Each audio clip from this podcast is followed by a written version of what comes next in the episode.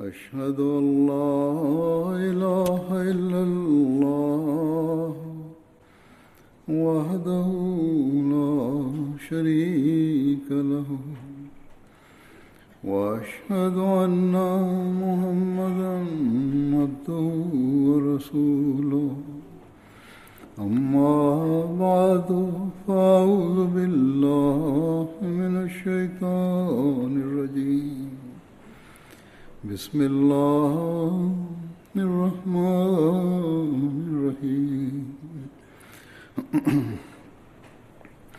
الحمد لله رب العالمين الرحمن الرحيم مالك يوم الدين إياك عبد وإياك نستعين اهدنا الصراط المستقيم صراط الذين أنعمت عليهم غير المغضوب عليهم ولا الضالين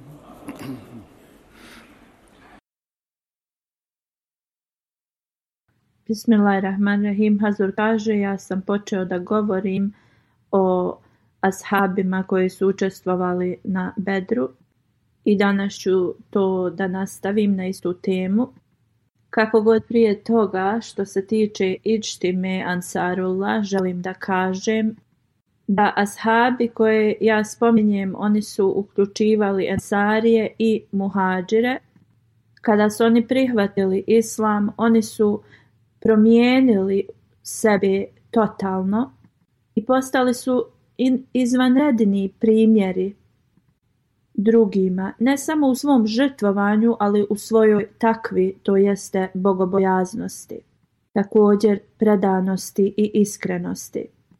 Mnogi od vas koji ste prisutni ovdje su ljudi koji su ansari, to jeste ljudi koji imaju 40 godina i iznad, vi ste također ensarije i muhađiri. Odrasli ste, ali ste također i muhađiri. Zato vi morate da preispitate ove primjere koji vam se daju od ovih ashaba do kog stepena vi pratite njihove primjere. Poslije ovog kratkog uvoda ja ću da govorim na temu koju sam rekao. Prvi asab kojeg ću spomenuti je Hazreti Numan bin Amr. On je bio poznat kao Nouman, njegov otac se zvao Amar bin Rafa, a majka Fatima binti Amr. Njegova djeca se zvala Muhammed, Amir, Sabra, Ubaba, Kapša, Marijem, Umi Habib, Abdullah i Hakimar. Oni su svi spomenuti kao njegova djeca. Prema Ibn Ishaku on je učestvovao na prvom Bejat i Akba sa 70 ashaba.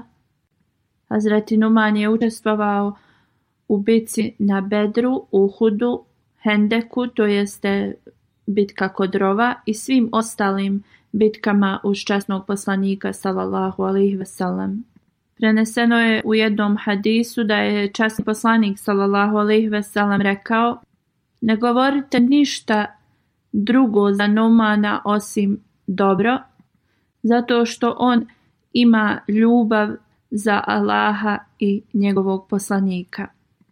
On je preminuo u periodu Hazreti Amir Muavija u 60. godini posle Hidžre. Hazreti Umi Selema prenosi sljedeće, da je Hazreti Ebu Bekr radijalahu anhu godinu prije smrti časnog poslanika sallallahu alaihi veselem otišao u Busru. Busra je stari grad u Siriji koji je vrlo poznat. Časni poslanik sallallahu alaihi veselem kada je putovao kao trgovac sa svojim amidžom je ostajao u tom gradu također, boravio je tu. Kada je trgovački karavan Hazreti Hatidže radijalahu anha um, otišao, također je njen karavan uh, išao u Bosru, u Siriji.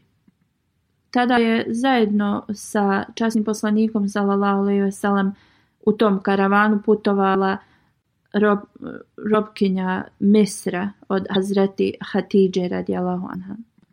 U svakom slučaju, godinu prije smrti časnog poslanika sallallahu alaihi veselam, kad je Ebu Bekr radijalahu anhu otišao tu radi trgovačkog karavana, tada sa njim je putovao Hazreti Noman i Suib. Ba dvojca ovih su učestvovali u bitci na Bedru. Noman je bio uz e, Ebu Bekra radijalahu anhu inače u ovom, na ovom putovanju. Hazur kaže i o njima ima ovaj hadis koji sam već spomenuo i, i događaj kada sam govorio o Hazreti Sueibu kada je Hazreti Numana uh, htio da proda njegov prijatelj kao da je on rob. Hazur kaže ja ću opet ukratko danas da spomenem taj događaj.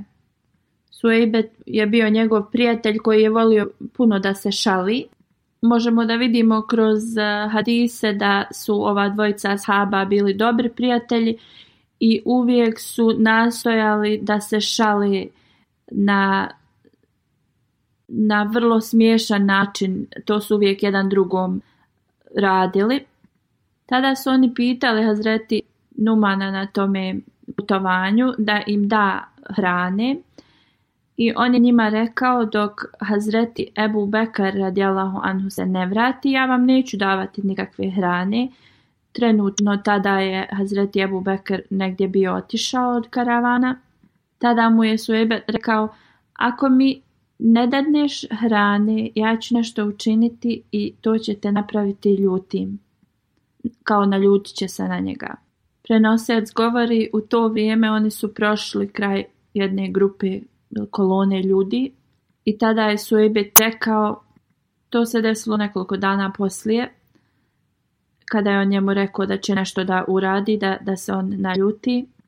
U svakom slučaju, da li se je to desilo nekoliko dana poslije ili istog tog dana, on kad je naišao kraj te grupe ljudi, on ih je upitao da li vi želite da kupite ovog mog roba. I ljudi su rekli da mi želimo da ga kupimo. Tada je sve rekao on priča puno i on će da vam kaže da je on oslobođeni rob.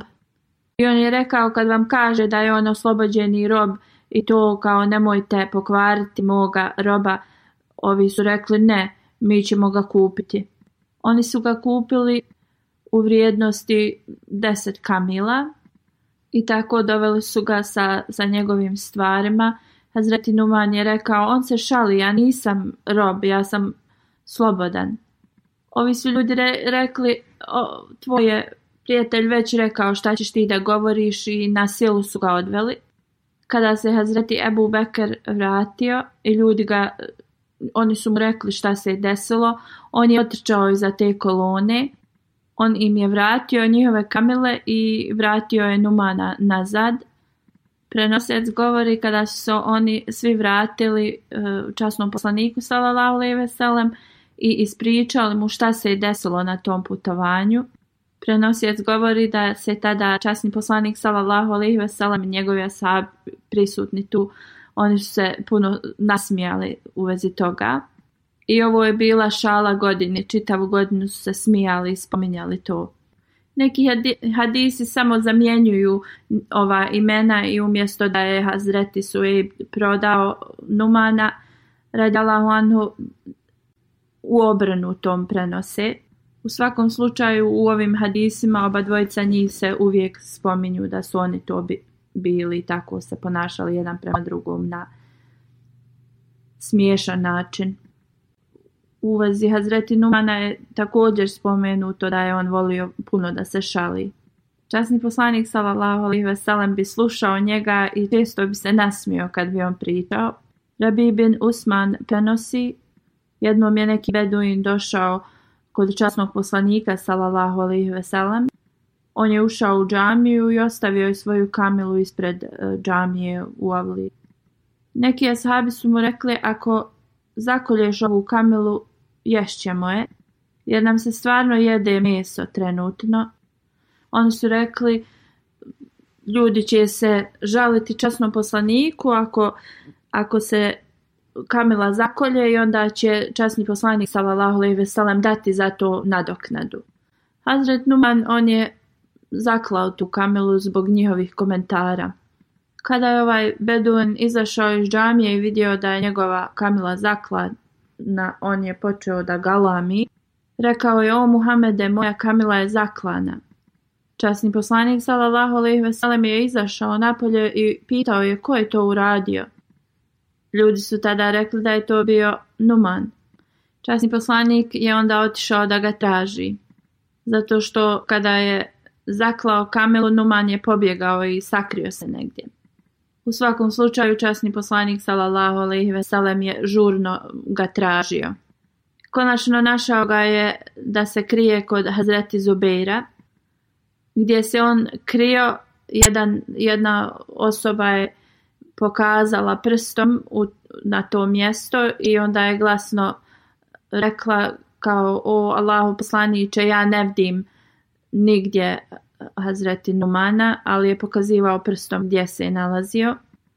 Onda ga je časni poslanik izveo iz tog mjesta i rekao, zašto si to uradio? On je tada rekao, o Allahov poslaniće, ti ljudi koji su rekli da sam ja to uradio, oni su me nagovorili da, da je zakoljem i još su mi rekli da će poslanik dati nadoknadu za to kada je poslanik sallallahu alejhi saslušao šta je on rekao, stavio je svoju ruku na njegovo lice, nasmijao se i onda je otišao kod Beduina i dao mu naplat, nadoknadu za, za tu kamelu. Zubair bin Bakar u njegovoj knjizi govoreći o Hazreti Numanu spominje on kaže kada bi god neko došao u Medinu, neki trgovac, Hazreti Numan bi kupio nešto od njih. On bi uvijek kupovao nešto za časnog poslanika sallallahu alejhi od tih ljudi i onda bi došao i to bi dao časnom poslaniku kao poklon. I onda bi rekao ovo je poklon od mene i tebi. Kada bi trgovac došao Hazreti Numanu da uzme novac za, za, za taj poklon ili šta bi on kupio tad, jer bi on rekao tom trgovcu gdje živi i da dođe po, svoj novac. On bi tada doveo trgovca kod časnog poslanika salalahu alejhi ve i rekao bi molim te onaj poklon što sam ti donio sada plati za njega. Tada bi časni poslanik salalahu alejhi ve govorio zar ti meni ovo nisi dao kao poklon? On je tada rekao o Allahu poslaniće tako mi Allaha, ja nemam para za to, ali sam imao veliku želju ako je nešto što trgovac prodaje da se jede, da bi to poslanik sallallahu alejhi ve trebao da jede ili ako je nešto bilo neke druge stvari to da bi to poslanik sallallahu alejhi ve trebao da ima. Tada bi se poslanik sallallahu alejhi ve samo nasmijao i ili bi platio sam ili bi tražio da, da se isplati tom trgovcu za, za, tu, za poklon koji je dobio od Hazreti Numana. Azor kaže ovako su bila, bili ti skupovi život u, u Medini nisu samo bili ozbiljni skupovi ili neki religijski i oni su se također imali on, onaj smisao za, za humor, za lijepi humor. Hazreti Hubej bin Isaf je sljedeći ashab Hazreti Hubeib radijalahu anhu je bio iz ensarijskog plemena Hazreć, ogranak Benu Džešem plemena. Njegovo ime prema drugom hadisu je zabilježeno također kao Habib bin Yusaf. Njegov otac zabilježeno je da se je zvao Usaf, a prema drugom Yusaf. Njegov djed također zabilježeno je da se zvao i ta, ali također je spomenut i Inava. Njegova majka se zvala Salama binti Masud. Njegov sin se zvao Abu Kasir koji je bio poznat kao Abdullah, kojeg je rodila Džemila. Drugi sin mu se zvao Abdurrahman i njega je rodila Veled. Imao je čjerku Munisu koju je rodila Zeyne binti Kejs. Hazreti Ebu Bekara radijalahu anhu poslije njegove smrti je oženio njegovu udovicu Hubejbu. Hazreti Hubejb u, u, kada je bilo vrijeme migracije u Medinu, on tada nije bio musliman, ali ako nije bio musliman u to vrijeme, on je pomagao dosta muslimana i, i oni su boravili kod njega kada bi dolaz, stizali iz Meke u Medinu. Hazreti Talha bin Abdullah i Hazreti Sunayd bin Suhejb bin Sinan su boravili kod njega, a prema drugom hadisu Hazreti Talha je boravio u kući Hazreti Asada bin Zerara. Slično prema hadisima kada se Hazreti Abu Bekr radjala on uselio u Medinu, da je boravio u kući, da je boravio sa Hazreti Zaid in Kava. To mjesto je malo izvan Medine i tu, tu boravi pleme Hazređ, tu je boravilo pleme Hazređ. Prema drugom hadisu, Hazreti Ebu Bekr je boravio u kući Hazreti Harđa bin Zaid. Osim bitke na Bedru, on je učestvovao na Uhudu, Hendeku i svim ostalim bitkama uz časnog poslanika sallallahu ve U jednom hadisu se spominje da je Hazreti Hubeib odrastao u Medini, ali on nije prihvatio islam tu. Kada je časni poslanik sallallahu alejhi ve pretao u bitku na Bedru, on je sreo časnog poslanika sallallahu alejhi ve i tu je primio islam.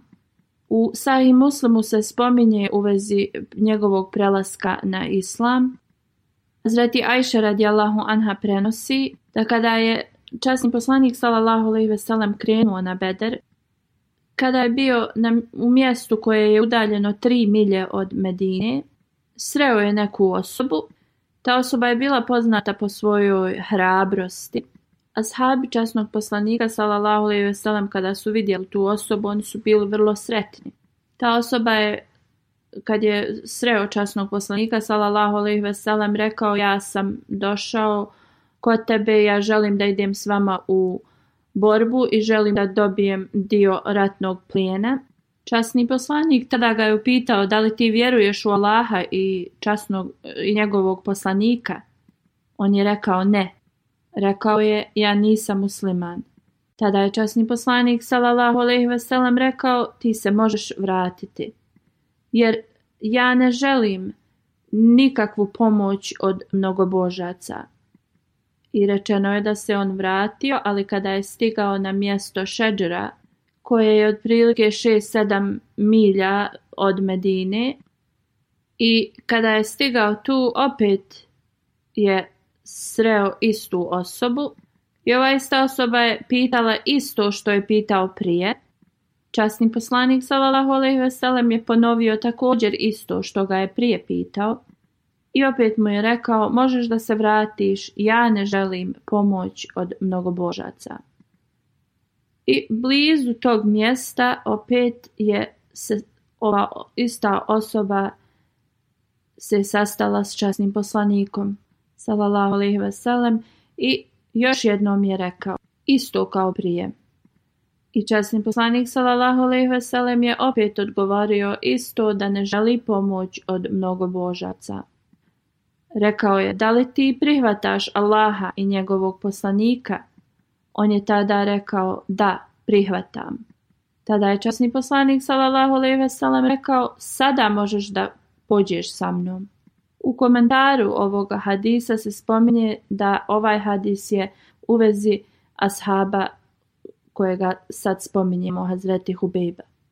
Hazreti Hubejb i Isaf, spominjajući svoj prelazak na islam i učešće na bedru, u Sirat Halabija autor o, ili historičar ove knjige piše da Habib je bio vrlo hrabar vojnik u Medini i tu stoji da do bitke na Bedru on nije bio musliman.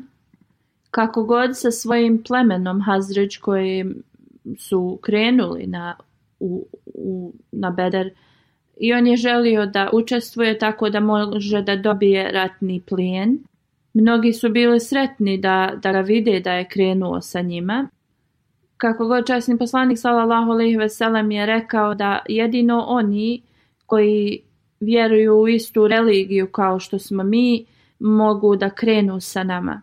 A u drugom hadisu stoji da je poslanik sallallahu alejhi ve rekao vrati se, nama ne, nije potrebna pomoć od mnogobožaca i da ga je časni poslanik sallallahu alejhi ve sellem vratio dva puta na isti način i da treći put časni poslanik sallallahu alejhi ve sellem kad mu je to rekao onda ga je pitao da li ti prihvataš Allaha i njegovog poslanika što on je rekao da i tako je primio islam.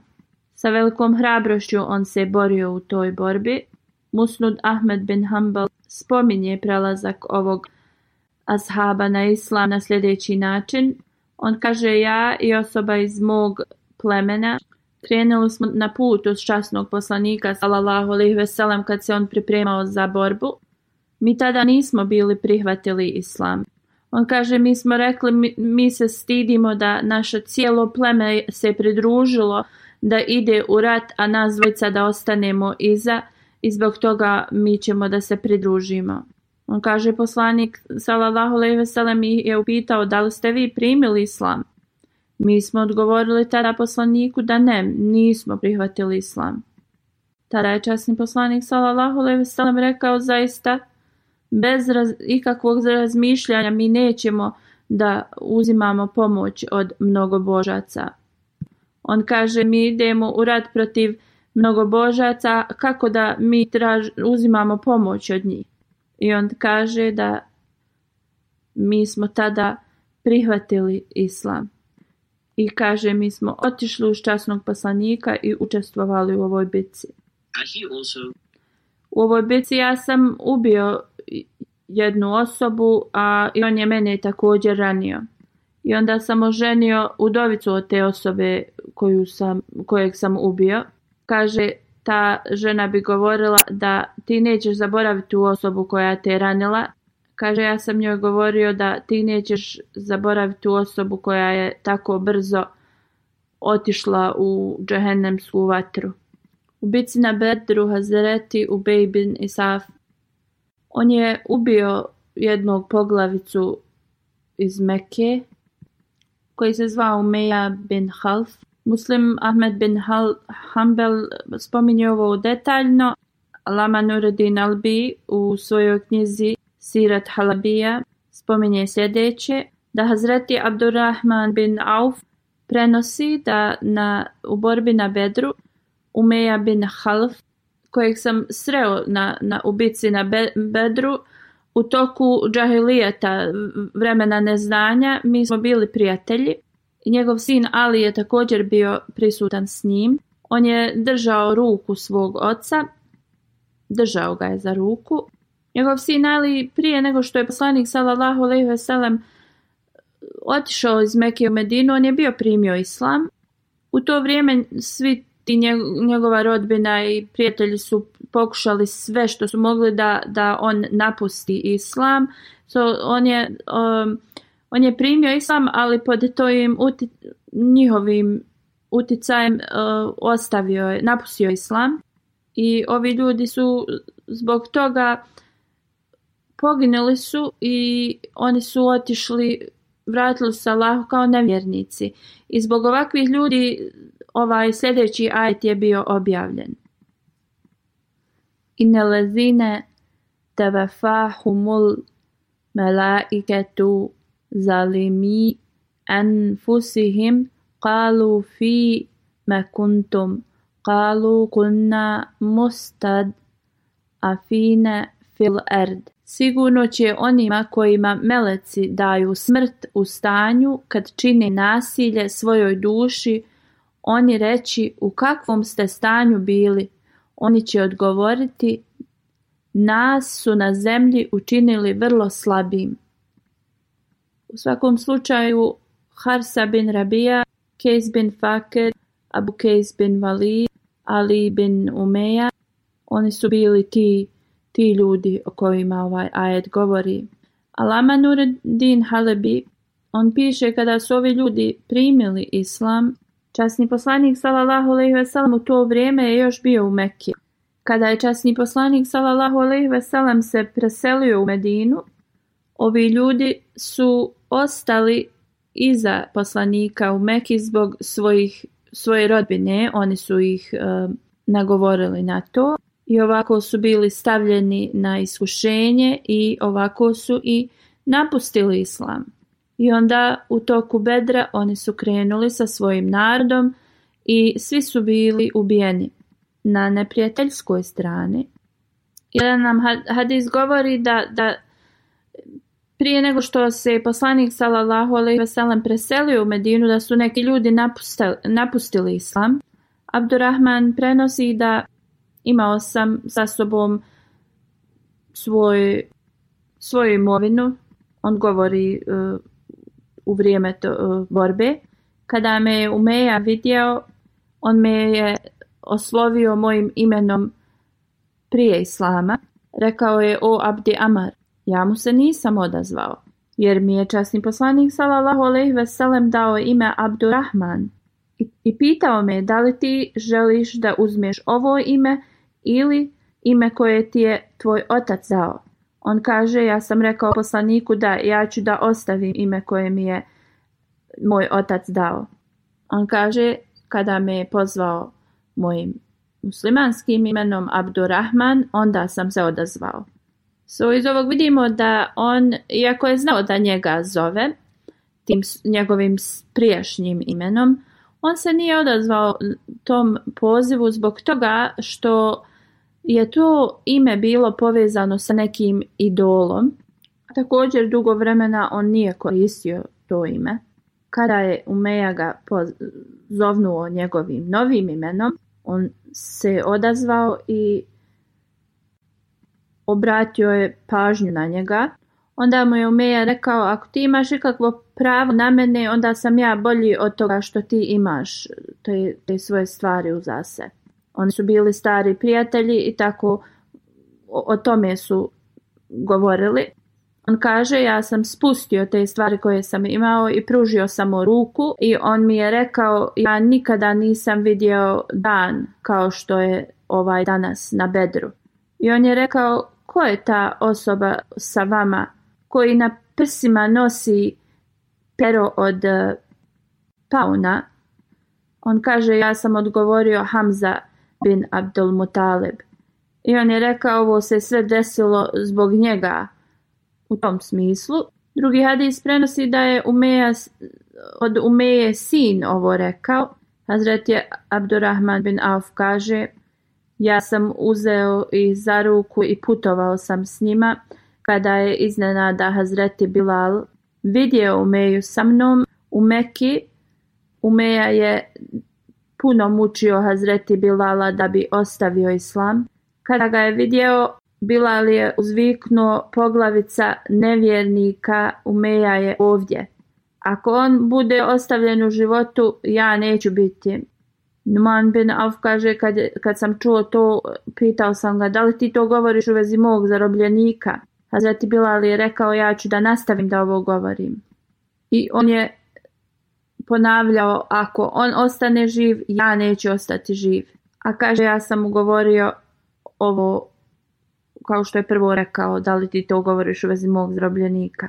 Hazreti Bilal je počeo glasno da govori o Ensarije, ovo je poglavica nevjernika, Umeja ben Hal. Puno glasno je to govorio.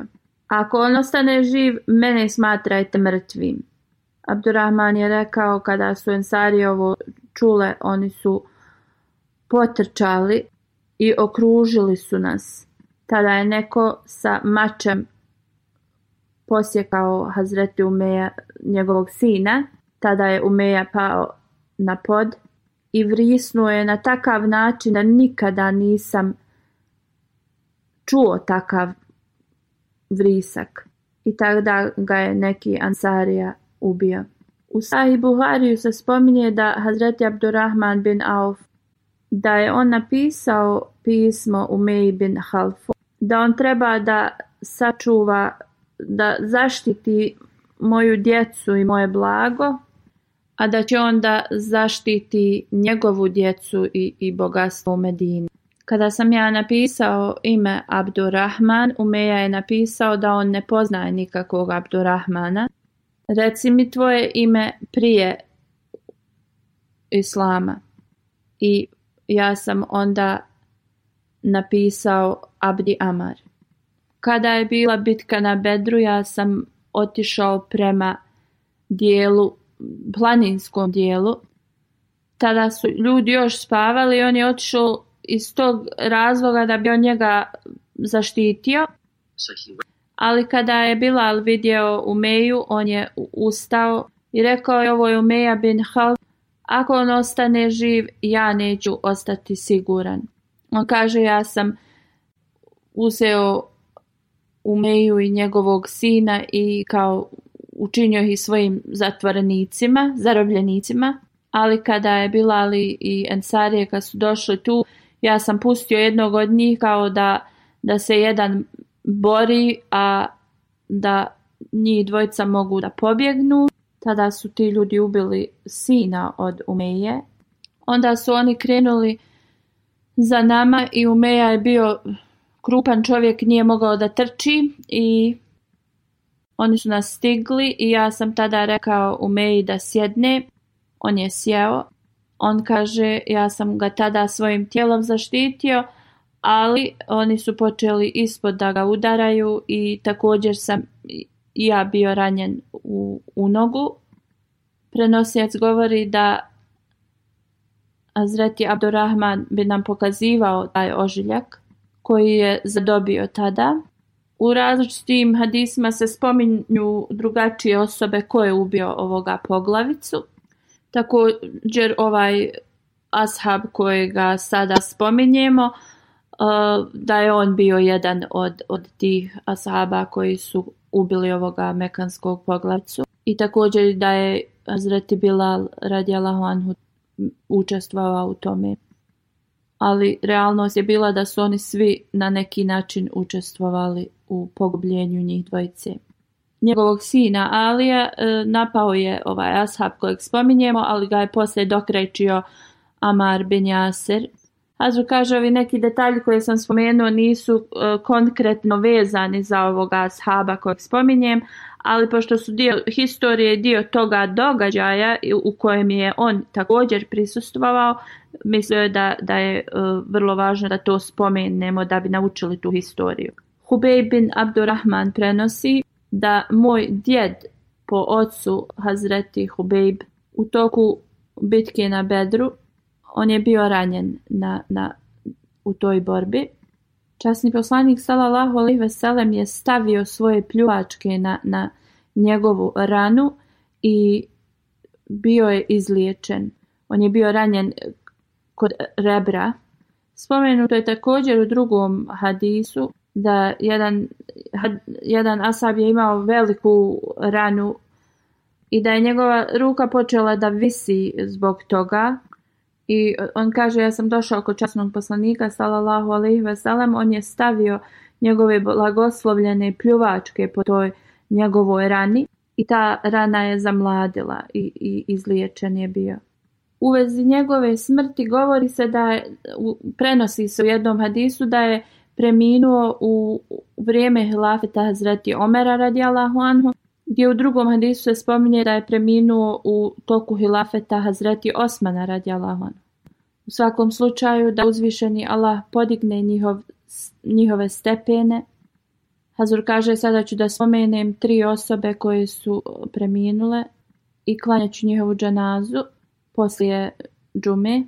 Mutrama Rashid Ražida Begum Sajba je prva koju ću spomenuti. Ona je supruga od Rver Sajba iz Rabve. Preminula je u 74. godini 26. augusta. Inalilah najlih Rađun. Njihovo porijeklo je iz Kašmira, ali su se preselili u Pakistan. Njen otac Din Muhammed Saib je bio radnik u džamatu, i kada je ona imala pet godina njen otac je preminuo. Poslije ovoga njena majka je sa velikim trudom i naporom odgojila svoju djecu. Ahmedijat je došao u njihovu familiju preko njenog e, djeda po ocu, Fatih Muhammed Zahib, koji je otišao u Kadjan i primio Bejat, dao je zakletvu tu u Kadjanu.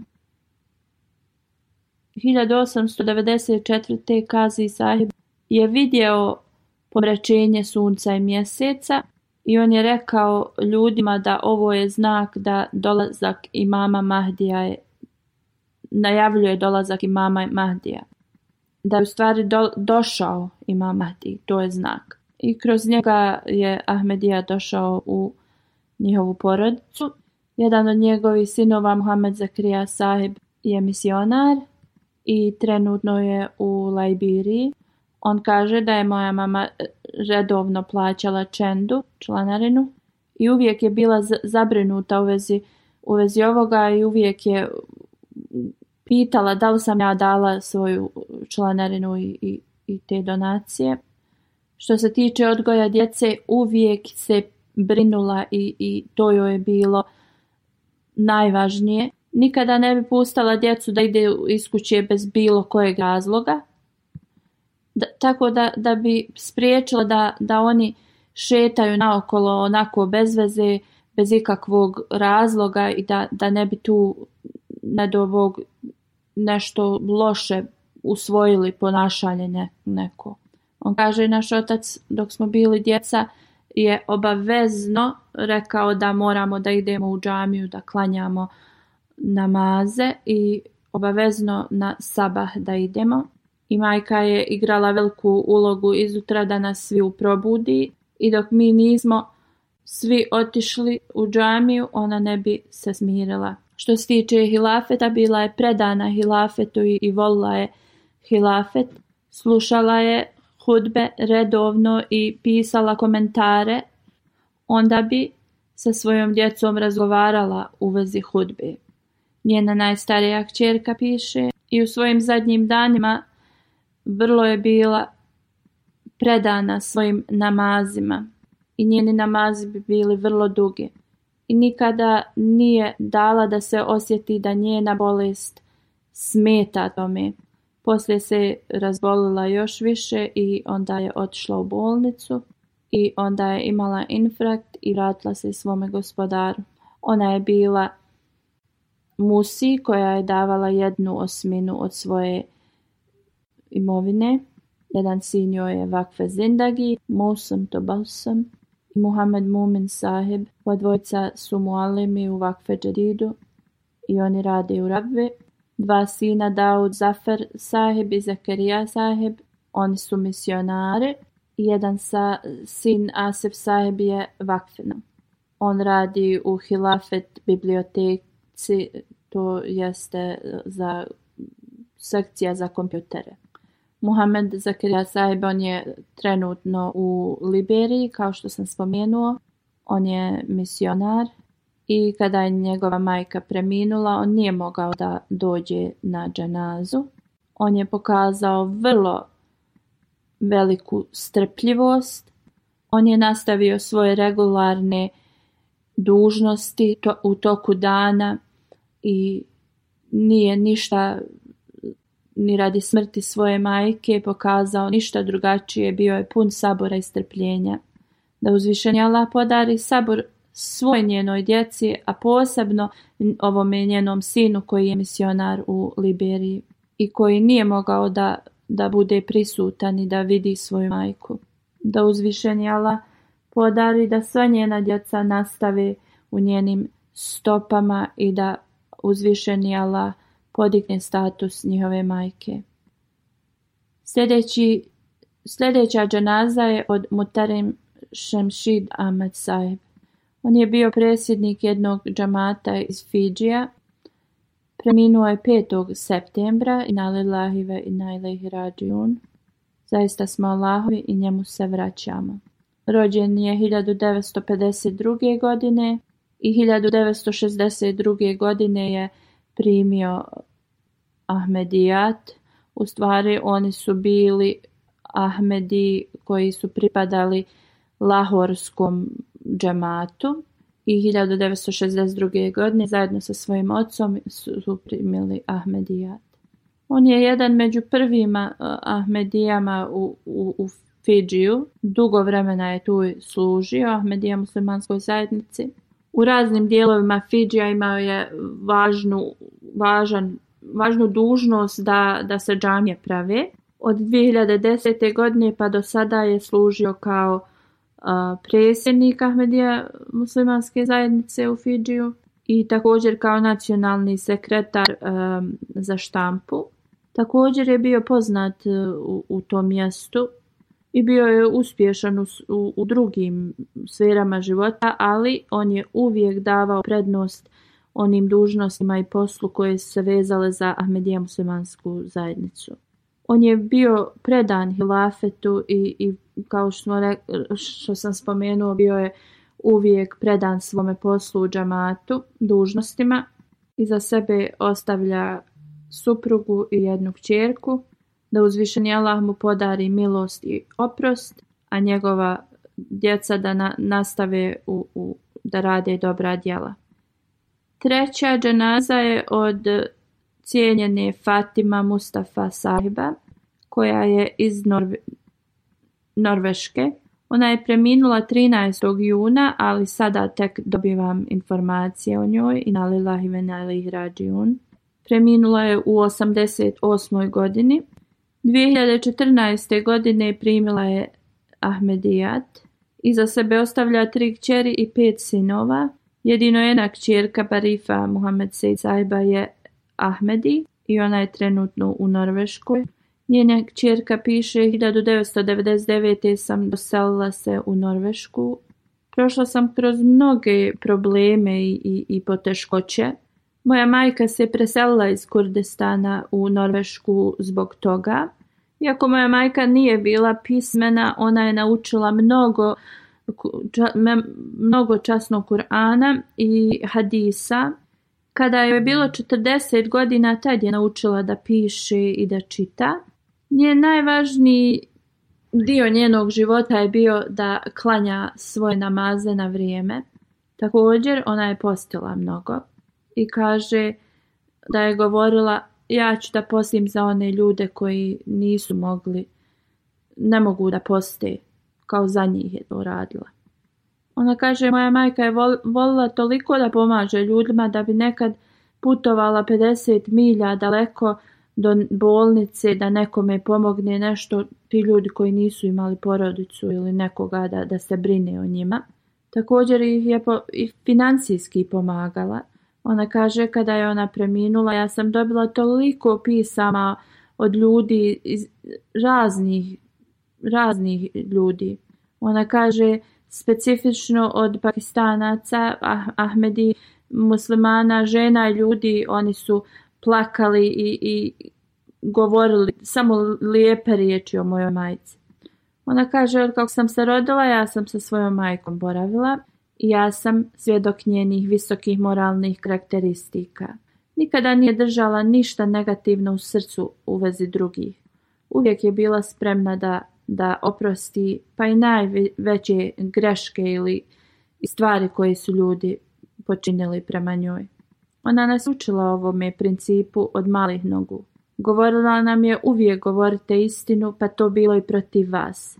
Ona kaže ako, je ako su vaše oči ili ruke počinile grešku, trebate da imate hrabrosti da prihvatite tu odgovornost i da priznate. Sastajala se sa svima sa osmijehom. Njen jezik je uvijek izgovarao molitve i dove. Bila je predana Allahu i njegovom poslaniku. Njena kćerka govori, vjerovatno ovo je bio razlog zašto je Allah dozvolio i blagoslovio da ona prihvati i mama vremena. Njena čerka piše da 2007. godine ja sam naišla na kanal MTA Ahmedija i onda nekad bi mogla taj naći kanal, nekad ga ne bi bilo. Ona kaže onda tri godine poslije našla sam taj kanal ponovo i to MTA Al Arabija. I ona kaže ja sam bila toliko uzbuđena, i zovnula sam majku, rekla sam našla sam onaj kanal koji smo prije gledale i ona kaže, ja sam ga tražila već tri godine. Ona kaže, ja sam pozvala svoju majku i rekla, dođi da, da slušam ovaj program. Ona kaže, ja sam joj rekla, ovo su ljudi koji tvrde da je obećani Mesija ima Mahdi došao već. Ona kojeg mi čekamo da dođe. A moj otac nam je govorio u vezi dolaska obećanog Mesije i mama Mahdija. Moja majka je počela da gleda MTA sa mnom Nekoliko dana poslije moja majka je govorila mojoj braći i sestrama u vezi ovog kanala. Kako god oni su svašta govorili, to je promijenilo izgled na licu moje majke, ali ona je nastavila da regula, redovno gleda NTA. Ona kaže kad se vratila u Kurdistan šta je njen brat govorio u vezi džemata, to je ostavilo neki utjecaj na nju i onda moja majka je govorila protiv džamata, u stvar protiv nje, u, smislu s njom se raspravljala. Onda kad je došla kod mene, kaže, gledala je opet MTA i opet njeno mišljenje se promijenilo. Ona kaže, ja kad sam potpisala Bejat zakletvu i prihvatila Ahmedijat, onda e, stanje se malo još više pogoršalo i ljudi su govorili mojoj majici da sam ja postala nevjernica. Ona kaže kad bi majka išla kod moje braće, ona bi bila protiv mene, kad bi boravila kod mene, njeno mišljenje bi se promijenilo. Ona kaže ona je puno voljela uh, kasidu obećanog Mesija ali salama na arapski jezik i plakala bi puno kada bi slušala tu kasidu. I onda jedan dan kad je čula e, stih Ja ajne fejdelahi i slušala je ove stihove koji su govorili o, o veličini časnog poslanika sallallahu ve sellem koji je napisao obećani Mesija salam i ona kaže ja sam njoj rekla kako može iko zvati osobu koja je napisala ove stihove nevjernikom. I onda sam rekla mojoj majki i tvoje dijete je među ovim ljudima. I ona kaže moja majka je tada samo šutila. I ona kaže, ja sam rekla svojoj majki, ti si vjernica i ti uvijek izabereš šta je pravilno, da li ti izabiraš svoju djecu ili Allaha. Na ništa nije rekla, ali je onda rekla, na večer je rekla, pozovi Ahmedija muslimansku zajednicu koja je glavni, zato želim da dam svoj bejat zakletvu. Ona kaže, moja majka se tu već molila, ja sam joj rekla da sačeka i izutra kada je ustala rekla je da je spremna da potpiše Beja. Hazur kaže 2016. me je upoznala i bila je puno sretna i ona je svima govorila o vezi ovoga sastanka, imala je veliku ljubav prema Hilafetu, da je Allah da oprost i milost i podigne status. Da je Allah drži njenu kćerku u jakoj vjeri, a drugo djece da otvori njihova srca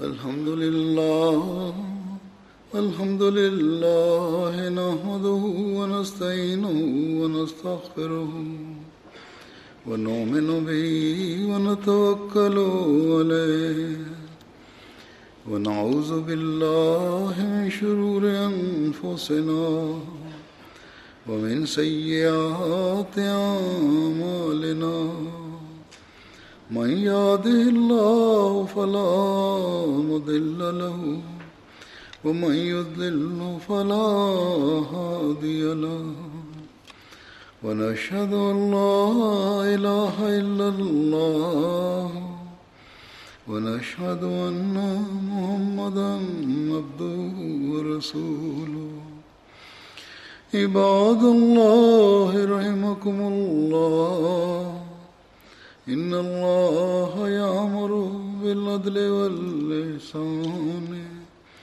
وإيتاء ذي القربى وينهى عن الفحشاء والمنكر والبغي يعظكم لعلكم تذكرون اذكروا الله يذكركم وادعوه يستجب لكم ولذكر الله أكبر